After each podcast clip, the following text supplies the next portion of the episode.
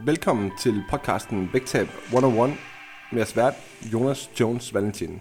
Vægtab 101 er podcasten for dig, som gerne vil blive lidt klogere på nuancerne i vægttab og blive lidt bedre stillet til din egen kamp imod kiloene. Derfor så tager jeg hver uge emner op, som jeg løbende støder på i mit daglige arbejde med mine klienter. Du kan jo følge mig og mit arbejde på min private Instagram under navnet Jonas Jones Valentin. Og med det sagt, så lad os komme videre til dagens episode.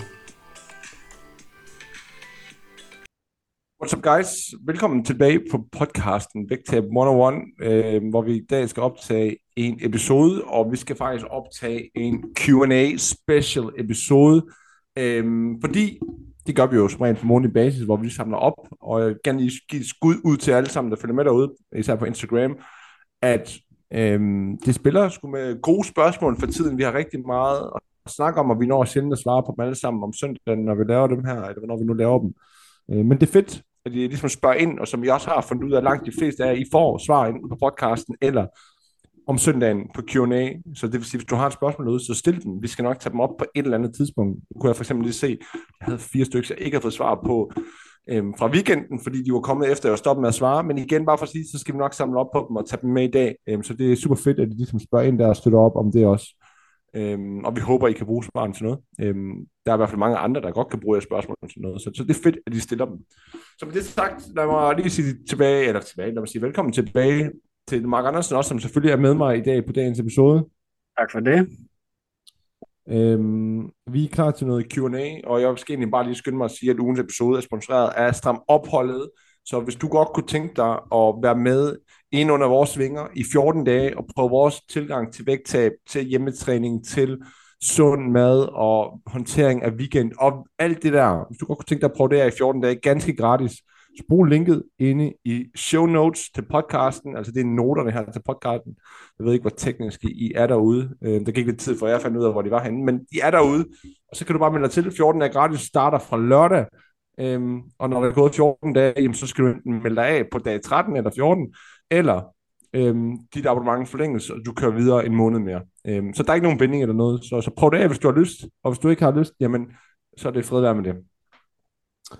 Skal vi bare kaste os ud i noget Q&A? Mm, jeg har faktisk en, der er relevant i forhold til det, du lige... Vi starter med en, det er fint. Fyr løs. Det er Janne, der spørger om øh, hjemmetræning, kan det noget? Og så spørger hun, altså hun spørger bare generelt til vores holdning til hjemmetræning. Hjemmetræning, kan det noget? Hjemmetræning, det kan noget. Spørgsmålet er, hvad det kan. Øhm, og, og, og sandheden er jo, at der er mange forskellige grene af hjemmetræning. Altså det, som de fleste måske tænker, når de hører hjemmetræning, det er, man laver nogle øvelser i stuen uden det helt store udstyr eller noget. Øhm, og det kan da helt sikkert noget. Øhm, og en af de ting, det desværre også kan, det er, at de fleste de går død i det forholdsvis hurtigt. Mm. Øhm, omvendt så er der også hjemmetræning ude i den anden gren, som jeg for eksempel selv bruger, hvor jeg selv har købt en hulens masse udstyr ned til min garage, hvor jeg basisk kan træne, som jeg mere eller mindre vil gøre i et fitnesscenter. Det vil sige, at det kan en hulens masse. Altså, øhm, så der er sådan to ydergrene til det, men lad os prøve at snakke om det der inde imellem, altså, fordi at det, det jo helt sikkert kan, det er, der skal ikke skide meget udstyr til, for at det faktisk er ret effektivt, det der hjemmetræning. Øhm, øhm, og, og, det er jo lige præcis det, som, som strammer opholdet også er bygget op omkring, især ikke Altså, vi laver de her follow-along workouts, hvor Alice, hun laver en, en træning, der er cirka 25 minutter lang, hvor hun guider jer igennem hver eneste øvelse, tager hver gentagelse sammen med jer, instruerer i øvelserne, så I er med på, hvad der skal foregå, lige så vel som hvis I var på et hold. Øhm, og så er der forskellige grene af, hvor meget udstyr der kræves. Altså til at starte med er det primært bare kropsvægt, måske noget stik. Øhm, og over tid, jamen, så er vi også over at bruge noget, noget forskellige vægt, uanset om det er noget kettlebell eller om det er noget håndvægt. Elastik er også generelt med, du ved. Men igen, hvor vi bare udnytter nogle forskellige genrer. Så, så for igen for at svare kort, det kan noget, det kan det helt sikkert. Der er mange, der laver gode resultater med det, fordi forudsætningen for at lave gode resultater med hjemmetræning, det er stadigvæk det samme som i fitnesscenter. Det handler om, at du bliver bedre over tid. Så hvis målet er at få gode, synlige resultater på kroppen, jamen så er forudsætningen det samme, at du er nødt til at udvikle dig over tid. Og hvis målet bare er at være sund og rask og passe på din krop, jamen så kræver det sådan set bare, at du får det gjort. Mm, ja, jeg tror også afslutningsvis, den, den største forskel, jeg lige vil sige, der kan være, det er jo nok mere, hvad for nogle af de forskellige værktøjer i træning, man kan bruge for at gøre træningen hårdere. Altså hvis ikke man lige har lige så meget vægt tilgængeligt, som man har i et fitnesscenter, så kan man så heldigvis lave progression gennem gentagelser, som du lidt er inde på, Jonas. Så det er et eller andet sted, hvis man laver fremgang progression over tid, så kan man faktisk sagtens få gode resultater. Og har man så, øh, som, som du har, vægtskiver og håndvægte og sådan nogle ting, så er man jo rigtig godt stillet. Har man ikke det som en start, fordi man gerne vil have smag for det, så kan man altså også komme langt med øh, lidt mindre udstyr, elastikker og kropsvægt og sådan nogle ting, alt efter udgangspunkt selvfølgelig. Ja, ja, og, øhm, og, og skulle vi komme med sådan en helt overordnet anbefaling? Og det, det her spørgsmål, det får vi jo fra nye klienter, når vi starter dem op, hvis de gerne vil have noget hjemmetræning. Hvad skal jeg købe for at komme godt i gang med hjemmetræning, hvis jeg skal købe noget? Og jeg siger, jamen prøv at, hvis du indsætter og bruger lidt penge på det, jamen, og du kun skal købe et enkelt ting, Mm, så vil vi til hver en tid anbefale, at du køber dig et par justerbare håndvægte. For eksempel, hvis du kun køb dig den her klassiske kuffertsæt, hvor der er to håndvægte af 10 kilo, som også kan justeres til en håndvægt af 20 kilo, eller 15 kilo, eller meget du nu sætter på, ikke? Hvis du har den her vægt, så har du både noget, du kan bruge, der er relevant nu, og du har også en udviklingspotentiale over tid. Og har vi en håndvægt at arbejde med, jamen så kan vi typisk træne det meste af kroppen. Vi kan få noget vægt på vores benøvelser, vi kan træne forside og bagside ben. Vi kan også lave nogle trækøvelser, som er super godt for de fleste af jer, som, som sidder på et kontor, og vi kan lave en eller anden form for presøvelser også. Altså vi kan lave det meste, vi kan træne hele kroppen ret effektivt, og vi kan også sætte vores træning op på en måde, hvor vi har nogle forskellige øvelser sammen, hvor vi for eksempel bruger noget håndvægt på den ene, og kropsvægt på den anden, eller hvad ved jeg sådan selv, at du ikke skal stå og skrue om på udstyret. Og det er jo lige præcis sådan nogle ting, som, som vi gerne vil øh, inspirere jer i også gennem stramopholdet. Altså du ved, at kom med nogle idéer til, hvordan får vi sat træningen op, sådan til det er effektivt, og det ikke hele tiden handler om, at det skal være bøvlet. Mm, mm. Check. Alright. Øh, vi går videre til den næste. Jeg har fået et spørgsmål fra Line. Line, hun skriver, som er meget relevant lige nu. Nu skal jeg lige læse her. Jeg håber, I stadig kan høre mig. Jeg prøver, det går sådan her. Øh, lange flyrejser, skråstrej rejser, hvor det ikke er muligt at tage mad med og planlægge det. Hvad gør man med mad? hvis man skal på en eller anden lang rejse, jamen så øh, vil det jo nok i, i høj grad handle om en eller anden form for forberedelse. Så det, det er jo selvfølgelig lidt afgjort af, hvornår rejser man, og hvordan er ens appetit og sådan nogle ting, hvis man rejser med om natten, men jeg vil jo sige, at at der, der er måltidsfrekvens jo en af de ting, man i forvejen kan skrue på, altså hvor mange gange spiser man, og hvor store måltider er de ting, man, eller hvor store er de måltider, man så spiser på en dag, hvis man for eksempel ikke spiser så mange gange. Så jeg vil sige, at det er jo en af de knapper, man sådan kan, kan kigge i retning af, altså det her med at være, være godt forberedt inden, for spist en, en god mængde mad inden, så man har masser af energi, fordi man kan sige, et lynhurtigt sådan videnskabeligt øh, take på det er også, hvis vi kigger videnskabens vej, og sådan kigger ind i nogle af de studier, hvor man måler på, er det, er det godt at spise få gange eller mange gange i forhold til både mæthed og vægttab, så kan man faktisk se, at, at den er mindre vigtig end sådan noget som proteinindtaget er. Så øhm, det gælder både i forhold til det samlede indtag, at der er det ikke så vigtigt, om vi spiser få eller mange gange, men det gælder heller ikke i forhold til mætheden. Så, så, så der er egentlig mm. flere sådan ting, man kan, man kan gøre her. Der er ikke nogen tvivl om, at, at længden på rejsen spiller der rigtig meget ind. Altså nu har vi prøvet alle mulige forskellige ting. Altså vi har både prøvet at flyve til New Zealand, som tog fucking 27 timer eller sådan noget, og vi har også prøvet at flyve rigtig mange gange frem og tilbage fra Spanien. Ikke? Det vil sige, at øhm, der, der er lidt forskel på, hvordan man skal tilgå det, ikke? Men, men jeg vil sige, at når alt kommer til alt, så kommer det jo lidt ned til det samme, fordi hvis du har en lang rejse, lad os også sige det til Thailand, for eksempel 12 timer, du ved, der bliver serveret noget mad på flyet. Altså hvis du følger de måltider, du, du får på flyet, øhm, og du måske har spist noget morgenmad eller noget hjemmefra, jamen, så kan man sige, så kommer du i hvert fald ikke til at spise for meget, og vi må antage, at det er lidt det, der er bekymringen her.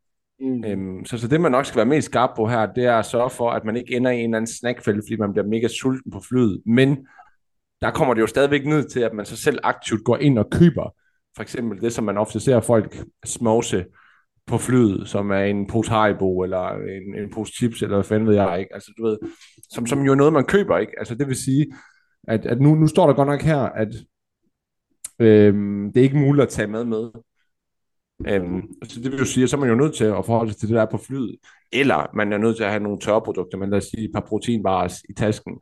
Øhm, hver gang vi flyver, altså øhm, vi har altid en, en stor pose snackgrønt med, med bare cherrytomater, rød peberfrugt, øh, gulerødder og agurker og, og frisk rød frugt, som måske ikke er så frisk mere, når vi spiser på det tidspunkt. Men det er med, om ikke andet ikke.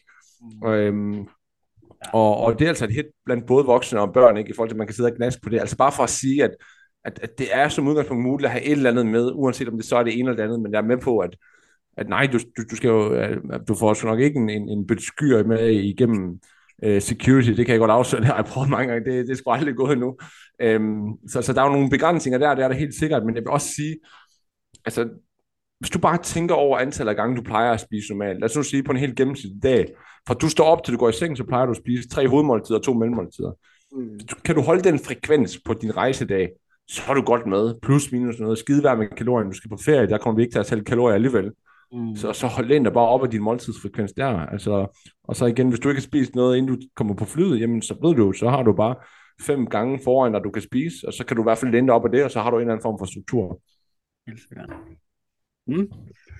Var det det yes. for den? Jo. Yes, jeg har en. Det er Malene, der spørger, om vi også hjælper klienter, som ikke gider at tælle deres kalorier.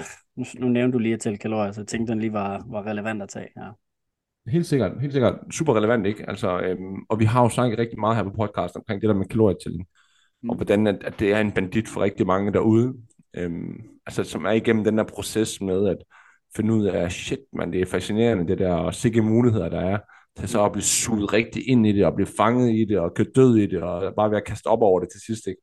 Mm. Øhm, så, så for at svare kort på de spørgsmål, ja, det gør vi. Altså faktisk er det en vigtig ting for os, at udfordre klienter, øhm, som insisterer på at tælle alle kalorier. Altså vi kommer jo ikke til at tvinge nogen til at gøre noget, men jeg kommer aldrig nogensinde til at stoppe med at udfordre klienter, som fortæller mig, at de tæller alle deres kalorier.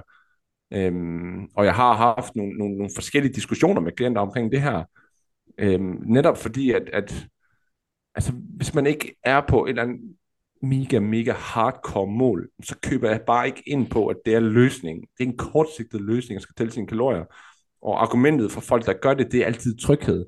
Og der vil jeg altid kalde det en falsk tryghed. at tro, at man skal tælle alle sine kalorier, og det er en meget kortsigtet tilgang.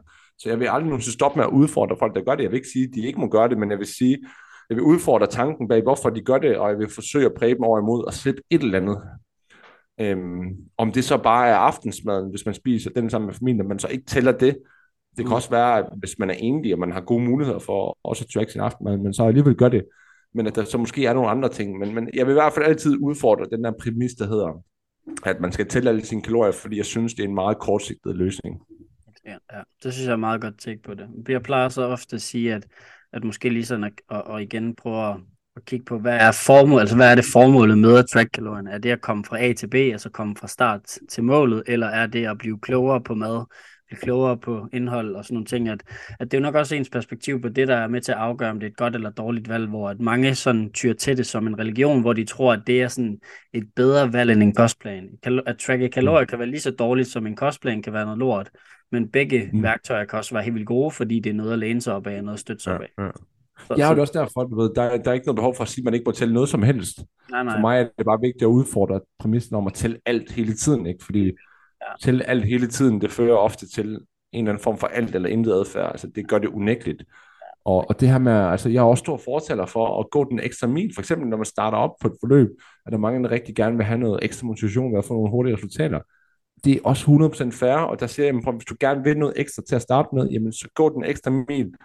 For eksempel på den klassiske klient, vi har, som har noget familie, så siger jeg, jamen, at gå den ekstra mil til at starte med, det er at forholde dig til det meste mad, du spiser i løbet af dagen, ud over aftensmad. Altså selv til at starte med, så siger jeg til folk, jeg ser ikke perspektiver i, at du fra starten af tæller dine kalorier præcist, når du mm. spiser aftensmad sammen med din kone eller din mand og dine børn. Altså det ser jeg bare ikke nogen perspektiver i, fordi det, det er godt nok en stor pris at gøre det, og, og det er ikke noget, vi kommer til at kunne bruge allerede to-tre uger ud, for det kører du død i, men, men at du tæller alt andet, lad os sige en periode på to uger eller tre uger, fordi du virkelig gerne vil danne dig et forhold til de mængder, det synes jeg er super fint. Det synes jeg ikke, det har ikke noget problem med.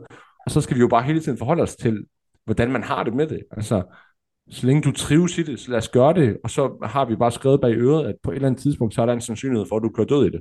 Helt sikkert, ja. Så, så lidt som vi lige snakker om, altså hvad er formålet med det? Fordi det samme eksempel plejer også at give den anden vej. Du ved, nu bliver øh, planerne ofte udskilt meget, og øh, noget af det, vi så kan se, der er rigtig meget inden for tiden, det er den her, jeg plejer at kalde det blød vanecoaching. Det eksempel har jeg også givet for dig mange gange, Jonas, det her med, at, at det lige så, nu siger jeg, ringe et værktøj, hvis det bliver gjort til noget alenestående, og om formålet er at skabe et kalorieunderskud, at igen, det kommer igen an på perspektiv og formål, og kan man kombinere sig ud af det på en eller anden måde, så, øh, så synes jeg jo, at man, man kan nå langt. Nu er jeg selv uddannet vanecoach øh, og bruger mange af de værktøjer, men der er fandme også mange gange, hvor jeg ikke bruger den måde at tænke på, fordi det ikke er relevant. Altså det der med, at det kommer an på, hvem fanden er du? Hvem er den, vi, vi sidder og arbejder med? Ja, god pointe. God pointe med, at der er bare ikke noget one solution på noget af det, uanset om det er den ene eller den anden boldgade. Præcis. Mm? Okay, spørgsmål her fra, ja, jeg kan ikke udtale efternavn, Baring 77 eller sådan noget, I don't know. Okay. Øhm, to til tre træninger, en til tre løb per uge. Så det må betyde, at der er to til tre styrketræninger og en til tre løbetræninger per uge, og vægten rykker sig ikke. Mm. Og det er jo, den, den er, jeg synes, den er interessant, den her, fordi det er jo også et mønster, øh, jeg sådan ved, at vi, øh, vi, vi begge to har, har set utallige gange, altså det her med et, faktisk et rigtig, rigtig højt aktivitetsniveau, men så at der alligevel ikke sker noget. Øhm, og nu ved jeg jo igen ikke, hvordan intensiteten er på løb, og hvordan intensiteten er på styrketræning, men min erfaring er også, at hvis man virkelig giver den gas med masser af motion i løbet af ugen, så kan det jo også være noget af det, der nogle gange stimulerer en masse appetit. Det kunne jeg forestille mig, du også kan kende dig, Jonas, da, mm.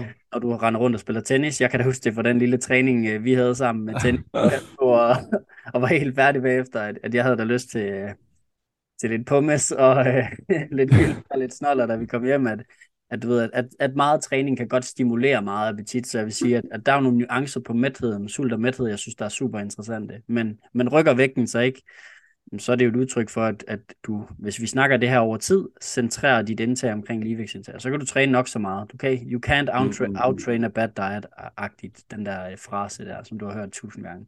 det, var, det var meget smooth, det var meget smooth. øh, men, men altså, jeg synes jo også, at, at, at det grund, grundlæggende problemstilling i det her postulat, der er her, det er, at, at der lyder det til, at, at træning er meget bundet op på vægttabet. Ikke? Altså, det lyder til, nu giver jeg den gas med træning, og så skal jeg tabe mig. Ja, true. Øhm, hvor at, at helt fundamentalt er det meget modsat af, hvad vi gerne vil prædike. prædike ikke? Altså, mm. Jeg starter altid med at sige til klienterne, når jeg har dem på samtalen, jeg vil gerne skille de to ting ad. Jeg vil gerne have mad i den ene side, jeg vil gerne have træning i den anden side. Det betyder ikke, at træning ikke bidrager til, til vægttabet, men jeg vil gerne have, at vi ser mad som værende der, hvor vi finder vores vægttab, vores kalorieunderskud, og så vil jeg gerne have, at træning er noget, vi arbejder med, motion, træning, god tur, kald det, hvad du vil, er noget, at, øh, at vi arbejder med, fordi det giver os noget mental trivsel, det giver os noget livskvalitet, det giver os noget godt humør, det giver os god energi, giver os overskud, og alle de her ting her, er så også medvirkende til, at vi har, er mere på med vores mad, fordi vi har overskud til det, ikke? Det vil sige, altså det er jo klart, at når man har god energi, og har man masser af overskud, så er det nemmere at forholde sig til sin mad også. Øhm, og derfor er det for mig vigtigt at se al den motion og træning, vi laver, som er en privilegie, vi laver for at have det godt, og ikke noget, vi gør, fordi vi skal tabe os. Øhm, som i øvrigt også taler ind i det her, vi altid snakker om med, at dit aktivitetsniveau under et vægttab skal være det samme, som når du er færdig med vægttabet. Øhm, fordi ellers så, så bliver tiden efter vægttab sværere, end hvad den i forvejen er. Og det har vi snakket om mange gange også på, på tidligere episoder. Så, så igen her bare, jamen det, det er super godt, at du giver den gas på træning. Men, men det, den korte anbefaling her må være mindre fokus på kalorier ud, mere fokus på kalorier ind, fordi at i forhold til fedttab, så er det langt mere effektivt at gøre det på den måde. Helt sikkert. Og så, så det jeg mener før også med, med visse træningsformer er jo bare, du ved, det der med, det kender du, når pulsen har været for eksempel helt vildt højt op. Jeg kan huske det rigtig meget, for der spillede meget fodbold, at efter sådan en kampdag, du ved, hvor man var totalt udkørt på både mængde og intensitet, så var det sgu ofte de dage, hvor man lige havde lyst til at snakke et eller andet ekstra, at, øh, at intensiteten kan bare betyde ret meget for sulten. Ja, ja, og når man lige snakker det eksempel, så giver det også et eller andet sted mening, ikke? Du ved, hvor sådan, du spiller 90 minutter, og der er lige en times opvarmning inden og så videre, ikke? Du ved, for man lige plus 2.000 kalorier, du forbrænder hver, ikke? Så der er jo ikke noget at sige til, at man, Skulle man lige have en deep pan. Ja. Præcis. Alright. Um, yes, videre. Næste, har du en eller øh, Jeg har faktisk ikke uh, lige uh, flere, tænker jeg lige. Okay, jeg har en her fra Karoline. Og Karoline, ja. hun skriver, Øh, den, vi har lidt været inde på den på de sidste Q&A's. Jeg kan ikke huske, om vi har... Vi, vi kan lige vente den kort. Okay. Øh, kalorieunderskud, når man ammer en baby på fire måneder. Kan man det? Om man kan være i kalorieunderskud, ja. når man ammer. Yes. Ja, det kan man godt. Det kan man godt. Øh, man og sige... et eller andet sted, så spørger hun jo i virkeligheden om, anbefaler I det? Ja. Ja, der vil jeg jo sige, at øh, hvad, hvad, fire måneder her, ja, ja at øh, altså man kan sige, på det tidspunkt, alt afhængig af, hvordan ens graviditet har set ud, jamen så, øh, så, så, så kan det jo det kan både være belejligt at tænke lidt i de baner, øh, men jeg synes jo også på mange måder, at det kan være ubelejligt, så det, det synes jeg er svært faktisk at svare på. Det kommer meget an på, på den enkelte, øh, men, men der er jo ikke noget, der sådan forelægger, at man ikke vil kunne arbejde sig ned i et underskud, og, og at amningen sådan decideret skulle, skulle være en forhindrende ting i forhold til, til det. Det tænker jeg ikke umiddelbart. Jeg ved ikke, hvad du tænker. Nej, men altså jeg vil sige, at jeg, jeg synes, det der er vigtigt at forholde sig til her, det er, at amningen påvirker dit kalorieregnskab. Mm. Det vil sige, du mm. har rent faktisk mere snor mm. at spise af, når du ammer. Altså, det, det, det kræver faktuelt. Det, ja. jeg kan ikke huske, hvor meget det er præcis, men det kræver en del at amme. Ikke? Altså, jeg ved ikke, hvor meget det er præcis, men, men bare for at komme ind en anekdote i forhold til nogle klienter, jeg har hjulpet her, jamen så har vi typisk som tommelfingerregel haft deres kalorieindtag, lad os sige 250 kalorier højere på daglig basis, vil jeg mærke, end hvad jeg ellers ville have haft en anden klient. Det vil sige, at jeg har en klient, som normalt bliver startet på 1700 kalorier, så starter vedkommende på 1950 kalorier. Øhm, ja. Altså igen, bare for at sige, at det er det, jeg har set i praktisk, hvor jeg har set, der har været den samme effekt på det. ikke. Mm. Øhm, og jeg synes, den vigtigste takeaway her, når man gerne vil sådan noget her, som, som der er ikke noget galt i, der er jo, det er jo meget, meget normalt, at, at, kvinder har behov for at smide nogle graviditetskilo, efter de har født, og man ikke nødvendigvis gider at vente et år, for man skal gøre det. Det, det kan jeg sagtens forstå. Øhm, men, men jeg synes igen, at det væsentlige her, det er så også virkelig at forstå, jamen, så er det sgu nok ikke nu, at det skal være den helt hardcore løsning. Altså lad nu være med at forvente, at du skal smide et kilo i ugen eller sådan noget. Så, altså, skal, skal man gøre noget, jamen, så, så, så lad det foregå i et fornuftigt tempo, 500 gram om ugen, hvis man kan tilstræbe det. Og så selvfølgelig forholde dig til, hvordan er din mælkeproduktion løbende. Ikke? Altså hvis den er upåvirket, og det, det er faktisk det, jeg har erfaret, den har været, fordi den jeg har hjulpet, der har ikke været noget der, jamen fint, kør på. Hvor hvis der foregår noget negativt omkring det, og du ikke producerer så meget mælk, som du ellers skulle, altså, så, så, så, så den lille ikke får nok at spise, jamen, så har vi et problem, så skal man jo gøre noget anderledes, kan man sige. Ikke? Øh, men, men lad være med at køre på med et eller andet hardcore underskud der, selvom det måske kan være fristende at gøre i virkeligheden. Ja, jeg mener, det er alt efter, hvor, hvor længe man ammer, om man kan amme med fuld intensitet og sådan nogle ting, at det, hvad er det 3, 4, 500 kalorier om dagen, man sådan ekstra faktisk kan forbrænde. Så, øh, så, så det, det skal man jo tage lidt med i overvejelsen, uden at det skal blive det, man, man sådan regner det på baggrund af. Ja, og igen, når jeg siger også, hvad vi lægger på ekstra, så hører det også med til historien bare, at, at det er ikke skide vigtigt, hvad det præcis er, fordi at så snart man er i gang med sådan et forløb der, så er det ikke præcis kalorien til, at det kommer ned til alligevel, du ved, så, så, så der handler det lidt mere om trivsel sådan overordnet set, så, så alt, som, som for mig handler om kalorier, det er et udgangspunkt på papiret, ja. og så forholder vi os til, hvad der sker i virkeligheden derfra. Ja, true, true, true, true. Alright, alright, alright. Øhm, jeg har lige en sidste her, inden jeg går over på den fra sidste uge, som er fra Madglad 02. Øhm, tips, øvelser til oppustethed.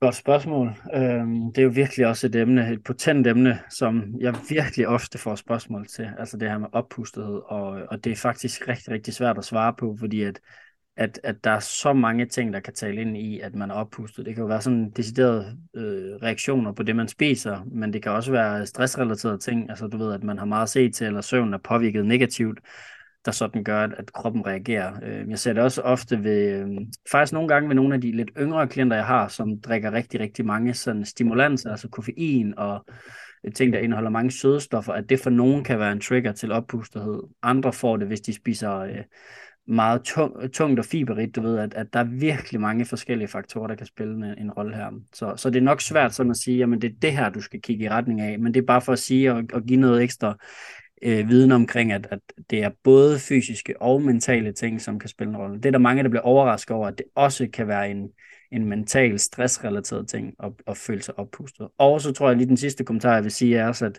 der er også mange, der føler sig oppustet, hvor det, de oplever, er en helt almindeligt sådan let udbulet, udspillet mave om aftenen, fordi man har en mavesæk, der er fyldt med mad. Der er mange, der forventer, at deres mave ser ud som mm. morgen. Det er en kæmpe misforståelse. Jeg plejer faktisk tit at spørge de klienter, jeg har, som skriver de her ting, om oppustetheden er forbundet med mavegener, ondt i maven, eller om det udelukkende er følelsen af, at maven den buler lidt ud. Min mave, den buler sgu også ud om aftenen. Det er bare for at sige, at det, mm. det kommer lidt God an, kommer lidt an på. Jeg ved ikke, hvad du tænker, Jonas. God point, helt sikkert.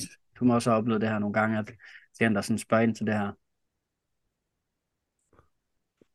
Øhm, helt sikkert. Altså, øhm, og når det her det sker, og, og det kender man både for selv, men også for klienter, øhm, så den nemmeste måde, og ligesom når du bliver spurgt ind til konkrete tips i forhold til, hvad man skal gøre, jamen, mm. det er at starte med at registrere, hvornår indtræffer det her første gang. Altså jeg plejer at starte med at spørge klienten om, jamen, er du oppustet, når du står op om morgenen eller hvad?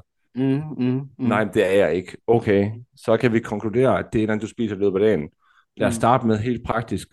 Beskriv for mig, hvordan du har det i maven en halv time til en time, efter du har spist morgenmad.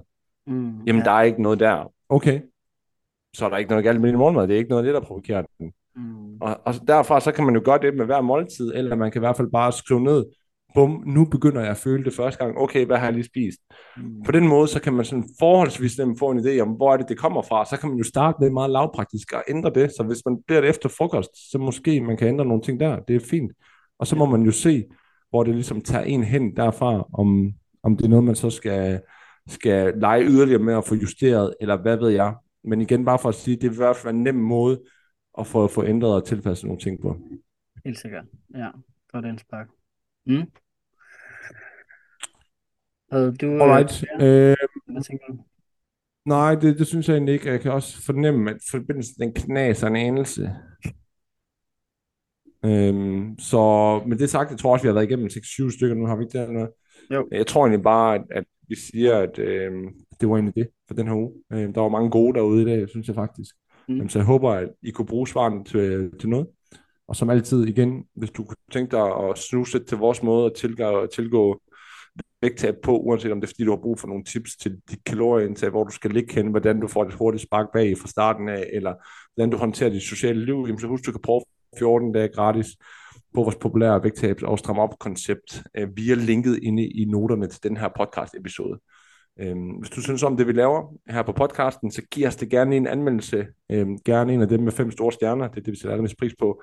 Måske en lille kommentar til, øh, hvad podcasten gør for dig. Det sætter vi igen super stor pris på, det tager ikke særlig lang tid at gøre. Øhm, der er heldigvis næsten 150 af jer, som allerede har gjort det her, så det sætter vi en stor, stor pris på. Tusind tak for det. Og øhm, skulle du have lyst til at dele det, vi går og laver øhm, på din Instagram story, for eksempel en ny podcast episode, igen, vi sætter simpelthen så stor pris på det. Øhm, og der er stadigvæk folk af jer, som gør det her på ugenlig basis, og I skal vide, at vi er meget, meget taknemmelige for, at vi gider at gøre det. Men det sagt, skal vi bare runde af, eller hvad? Det tænker jeg bare, vi skal. Ja, jeg tænker altså. Lad os gøre det. Så øhm, lad os gøre det, og så siger vi, øhm, vi høres ved igen i næste uge. Kan I have det godt så længe.